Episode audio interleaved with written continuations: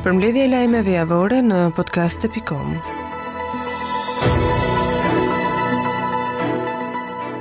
Ministria për Evropën dhe Punët e Jashtme njofton masat e reja të vendosura nga Republika Çeke për hyrjet drejt këtij vendi. Për të hyrë në Republikën Çeke, udhëtarët nga të gjitha vendet, pavarësisht shkallës së rrezikut të infeksionit COVID-19, duhet të jenë të pajisur me formularin e mbërritjes së pasagjerit online, përveç fëmijëve nën moshën 12 vjeç, certifikatë e vlefshme vaksinimi, certifikatë që janë shëruar nga COVID-19, një test negativ PCR i 72 orëve të fundit ose antigjen kryer në 24 orët e fundit.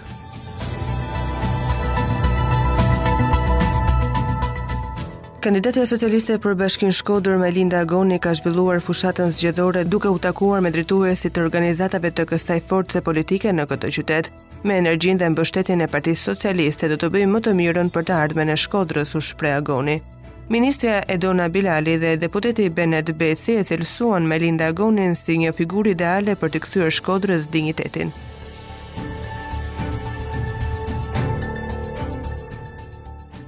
Anëtarët socialistë të Komisionit Parlamentar Hetimor për Inceneratorët do të kallëzojnë penalisht Jorida Tabakun, pasi sipas tyre ka kryer dy vepra penale duke ushtruar presion tek sistemi i drejtësisë.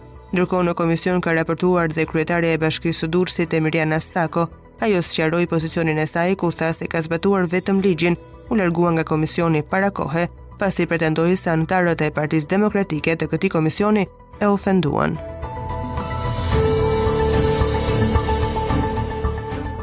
Drejtuesi politik i Partisë Socialiste në qarkun e Fierit Taulant Balla i shoqëruar nga kryetarja e bashkisë Eriselda Sefa, zhvilloi një bashkëbisedim me banorët e lagjes 18 tetori në Lushnje, ku diskutoi mbi projektet e radhës për rritjen e rrugëve hyrëse në Lushnje. Me rikonstruksionin e rrugëve të lagjes, banorët do të ndërgjegjësohen dhe për pastrimin e hapësirave të përbashkëta. Në diskutim me banorët duke marrë mendimin e tyre, Balla u shpreh se nuk do të ketë prishje të banesave, por vetëm disa gardhe të cilat do të krijojnë mundësinë e hapësirave të rrugëve. Në fjalën e saj, kandidatja për kryetare u shpreh se sistemimi i rrjetit të ujit të pijshëm është në proces, më pas do të bëhen kanalizime dhe në përfundim shtrimi i rrugës, si dhe pjesa e azhurnimit të pronave, e cila është në proces për banorët të cilët kanë aplikuar.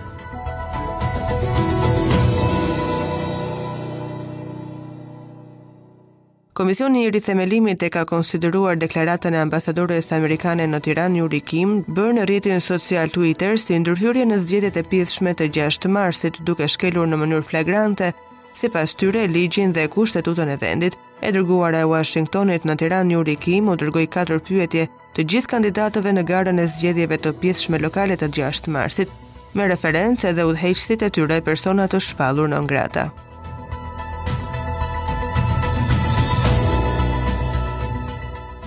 Ish-ministrja e qeverisë Rama 1, Eglantina Gjermeni, njëherësh ish-deputete e Partisë Socialiste, është dekretuar nga presidenti Ilir Meta ambasadore e Shqipërisë në Komisionin e OSBE-së në Vjenë, Gjermeni në zgjedhjet e kaluara ishte nga deputetet që hoqi dorë nga gara elektorale e 25 prillit 2021. Eglantina Gjermeni ka mbajtur postin e ministres së Zhvillimit Urban dhe Turizmit.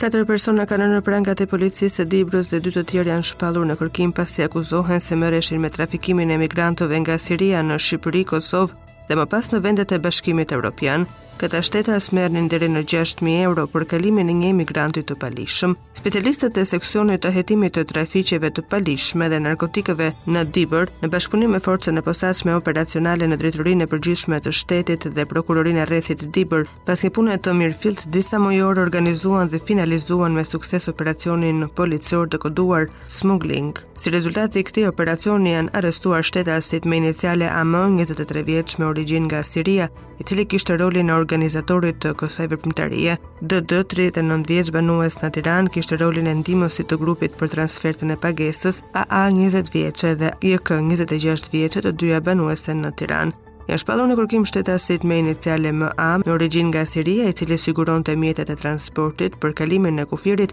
dhe AM me origjinë nga Siria, i cili ndihmonte në shoqërimin e emigrantit kryesisht ata nga Siria për kalimin e kufirit me Kosovën, me qëllim kalimin në Bashkimin Evropian. Gjatë operacionit këta shtetas janë kapur në flagrancë në një hotel gati për të transportuar pesë shtetas sirianë. Në vijim të veprimeve është proceduar penalisht në gjendje të lirë për veprën penale Veprimet që pengojnë zbulimin e së vërtetës, shtetasi me iniciale PP 68 vjeç. Nga hetimet e kryera dhe provat e grumbulluara ka rezultuar se këta shtetas në bashkëpunim me njëri-tjetrin organizonin kalimin e shtetasve me origjinë siriane nga Turqia nëpërmjet Greqisë, futjen në territorin shqiptar, strehimin e tyre në hotele të ndryshme të Tiranës, gjetjen e personave për të kryer transportimin e tyre duke ndjekur rrugën e Arbrit në drejtim të qytetit të Peshkopisë, me qëllim kalimin e tyre për në Kosovë, Serbi dhe Hungari.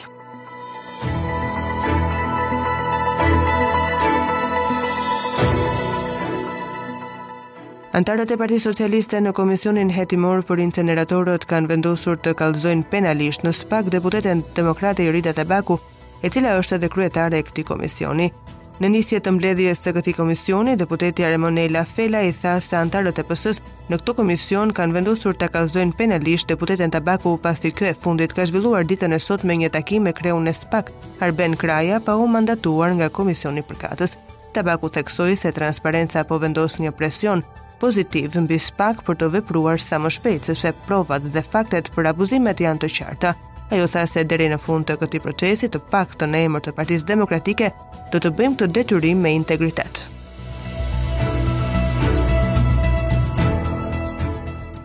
Gjatë seancës së tretë dëgjimore të zhvilluar në Komisionin e Pavarur të Kualifikimit, për drejtuesen e prokurorisë së Fierit Violeta Shkurta u relatuan më së shumti gjetjet për kriterin profesional për të cilat subjekti dha shpjegime. Kjo seancë u zhvillua pasi KPK vendosi të çelë hetimin për pastërtinë e figurës dhe profesionalizmin me kërkesë të Shkurtës. Më 24 nëntor, KPK konstatoi pamundësi financiare në vlera të mëdha për krijimin e pasurive nga prokurorja, e Fierit Violeta Shkurta si dhe e vlerësoi të padrejtë përfitimin e një kredie të butë, ndërkohë që zotëronte dy apartamente. Ajo tha se pasurinë e kishte krijuar me burime të ligjshme. Prokurorja Shkurta mori vlerësimin pozitiv për pastërtinë e figurës trupa që po kryen vlerësimin e prokurores Violeta Shkurta, kryesohet nga Firdes Shuli me relator Olsi Komicin dhe anëtar Xhensila Pinen. në cilësinë e vëzhguesit ndërkombëtar ishte i pranishëm Ferdinando Buatier.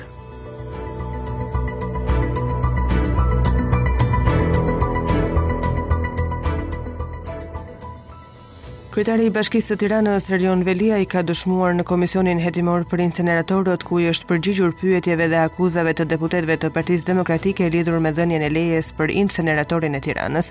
Seanca maratonë prej rreth 4 orësh vetëm me dëshminë e kryetarit të bashkisë është shoqëruar me debate dhe tensione gjatë gjithë punimeve të saj. Komisioni hetimor vazhdoi më tej me dëshmitë e sekretarit të përgjithshëm të kryeministrisë Engjëll Agaçi dhe Damian Gjiknuri, sekretari i përgjithshëm i Partisë Socialiste.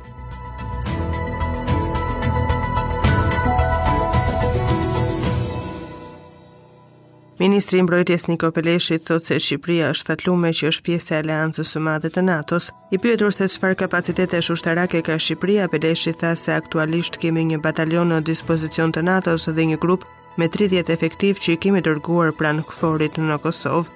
Ne jemi fatlum që jemi aleat në NATO dhe artikulli i 5 bën fjalë për mbrojtjen tonë kolektive. Kemi forcën tonë të armatosur e cila është e kombinuar me kapacitetet e NATO-s në tërësi. Kemi një grup batalion që është kapaciteti i NATO-s i gatshëm për t'u përdorur nga NATO në operacione shkurajimi. Të gjitha proceset tona të rekrutimeve të reja të rritjes të kapaciteteve kanë për synim dekurajimin dhe pjesëmarrja në stërvitjen më të madhe vjet, synon të tregojë muskujt dhe ne jemi krenarë. që jemi pjesë e saj. Sot kemi dërguar pranë KFOR një togë prej 30 efektivësh, ndërkohë kemi në dispozicion edhe një togë dhe një kompani për t'u alokuar në lindje të Evropës, tha Peleshi.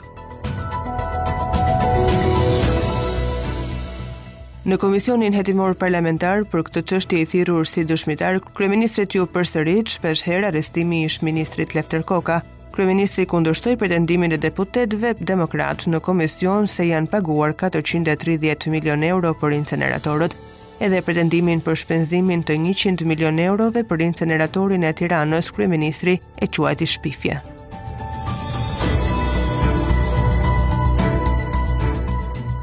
Mbas pretencës së prokurorisë, gjykata shpalli fajtor sipërmarrësin italian Francesco Becchetti duke e dënuar me 17 vite burgim për akuzat e pastrimit të parave, evazionit, vjedhjes me anë të shpërdorimit të detyrës dhe falsifikimit të dokumentave.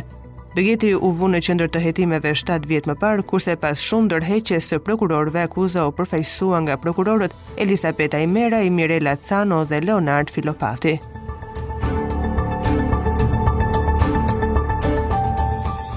Ministrja e Jashtme Olta Xhaçka ka folur për situatën në Ukrainë duke thënë se janë vetëm 60 shqiptarë që jetojnë prej vitesh, por vetëm 6 prej tyre kanë kontaktuar ambasadën për t'u kthyer në Shqipëri.